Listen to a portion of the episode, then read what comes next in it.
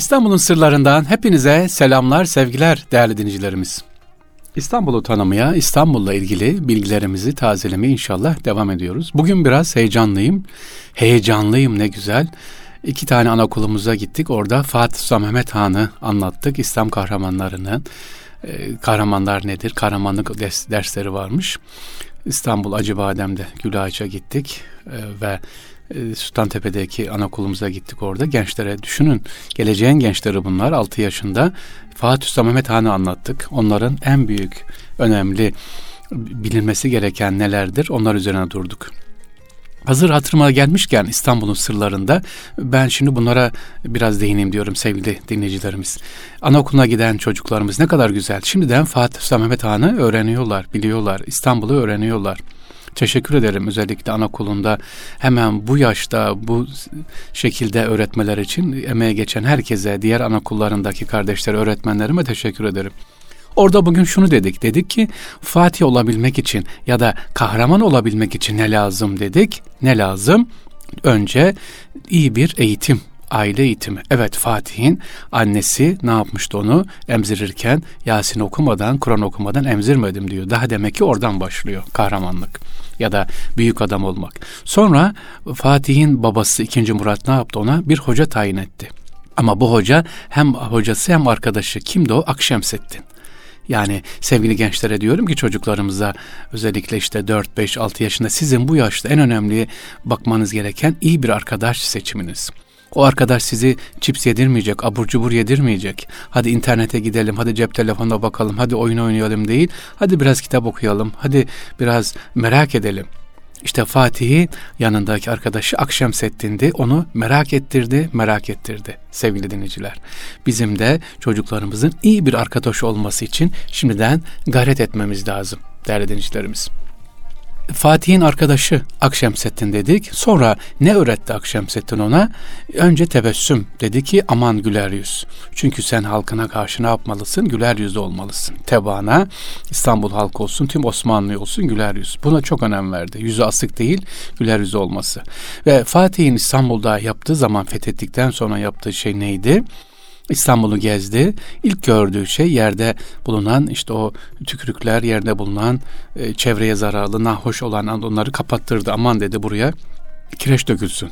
Sonra gezdi, sokakta kedileri, köpekleri gördü. Bunları biz anaokulunda anlatıyoruz. Fatih Fatih yapan neydi? Sokak hayvanların korunması için vakıflar kurdu. Sonra bir mahalleye girdi. O mahallede ne gördü? İnsanlar, hasta insanlar var süt alamayan çocuklar var. Yine vakıflar kurdu. Hasta insanlara bal dağıtılacak. Hatta Fatih'in vasiyeti var. Av eti hasta insanlara dağıtılması için av eti dağıtılsın diye vakıflar kurdu Fatih Sultan Mehmet hem de kendi kesesinden. İşte Fatih Fatih yapan bu ve bunları bizim çocuklarımıza 6 yaşından itibaren 5 yaşından itibaren anlatmamız lazım. Neydi Fatih Fatih yapan başka bir özellik de meraklı olmasıydı. Meraklı olmasa Şahi topunu bulabilir miydi, keşfedebilir miydi? Meraklı olmasa İran'dan Ali Kuşçu'yu o ünlü matematikçi getirip de İstanbul'da güneş saatlerini yaptırır mıydı? İşte bu merakı sayesinde devam etti. Başka peki ben oldum yetiştim dedi bitirdi mi kendisini tamam dedi mi? Yani bundan sonra ben okusam ne olur okumasam ne olur dedi mi? Demedi Fatih Sultan Hazretleri. Evet onun yerine tekrar kendinden sonra gelecek kahramanların yetişmesi için Endor'un okulunu kurdu. Endor'un eğitim sistemini kurdu sevgili Fatih Sultan Mehmet Han, Fatih Camii'nin yanında Sahni Semaniye dediğimiz 8 ayrı medrese, 8 ayrı fakülte kurdu. Ki benden sonra yetişsin, paşalar yetişsin diye. Bir kahraman, bir bilim adamı, bir e, ordu mensubu paşa kolay yetişmiyor tabii. Hazır yeri gelmişken biraz da Endor'undan bahsedelim. Bugün çocuklarımıza Endor'undan bahsetmiştim. Endor'unda aslında o kadar çok öğrenci yok. En fazla 22 öğrenci. Evet 20 öğrenci. Peki sordular bugün genç kardeşlerim bana öğretmenim Endor'unda eğitim nasıldı diye. Dedim ki Endor'unda defter kitap yoktu. Öğretmen sınıfa gelir, dersini anlatır o günkü konu neyse. Öğrenciler hiç yazmazlar, not almazlar. Sadece dinlerler. Sonra sonra ders bitince hemen Topkapı Sarayı'nda kütüphane var, büyük kütüphane. Oraya geçerler ve orada öğrendiklerini tekrar eder. Akıllarında ne kalmış? Onu yazarlar. Merak ettiklerini kitaplardan arayıp bulurlar. Anlaşılmayan bir şey varsa ertesi gün öğretmenine, hocalarına sorarlar. Endor'un eğitim sisteminin bir özelliği sevgili dinciler. Hazır yeri gelmişken lütfen anne babalar sizler de çocuklarınıza ezber sistemini anlatmayalım, yapmayalım. Endor'unda öğretmen dediğimiz gibi sınıfa girer, dersini anlatır, gider. Peki ne olur? İkinci derste daha sonra 20 kişi demiştim. Birinci sırada 5 kişi var. 4 kısımdır. Birinci sıra kalkar, öğretmenin anlattığı dersi ikinci sıraya anlatır, tekrar eder. İkinci sıra yine aynı şekilde 3'e anlatır, 3 4'e anlatır. Yani bir sınıf dediğim gibi 20 kişi en fazla 4'e bölünüyor. 5 4 20 değil mi? Beşer kişilik öğrenciler kalkarlar anlattıkları dersi hocanın tekrar ederler. Ertesi gün hoca gelir. En arkadaki öğrenciye sorar. Dersle ilgili bir soru. Eğer bilirse yeni konuya geçer. Bilemezse konu tekrar yapılır. Bakın ezber sistemi yok. Şunu ezberleyeceksin yarın şu kadar sayfayı oku gel yok. Şu formüller ezber gel yok. Ya e, yaşayarak pratik bir şekilde öğretiliyor sevgili dinleyiciler. Bizler de çocuklarımıza işte okula gönderiyoruz. E, benim de çocuklarım var. Özellikle şu anda işte liseye hazırlanan çocuk var. Sınav stresi, formüller, bilgiler, ses çözmeler. Ama keşke bunu ta küçükken ezber sisteminde değil de Endor'un eğitim sistemini yapsaydık.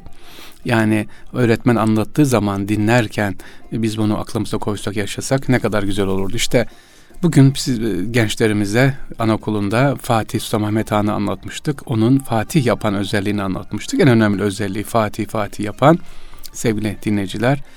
Endorunu kurması, meraklı olması, çok iyi hocalarla, eğitmenlerle çalışması ve kendinden sonra yine fatihler çıkması için medreseler kurması.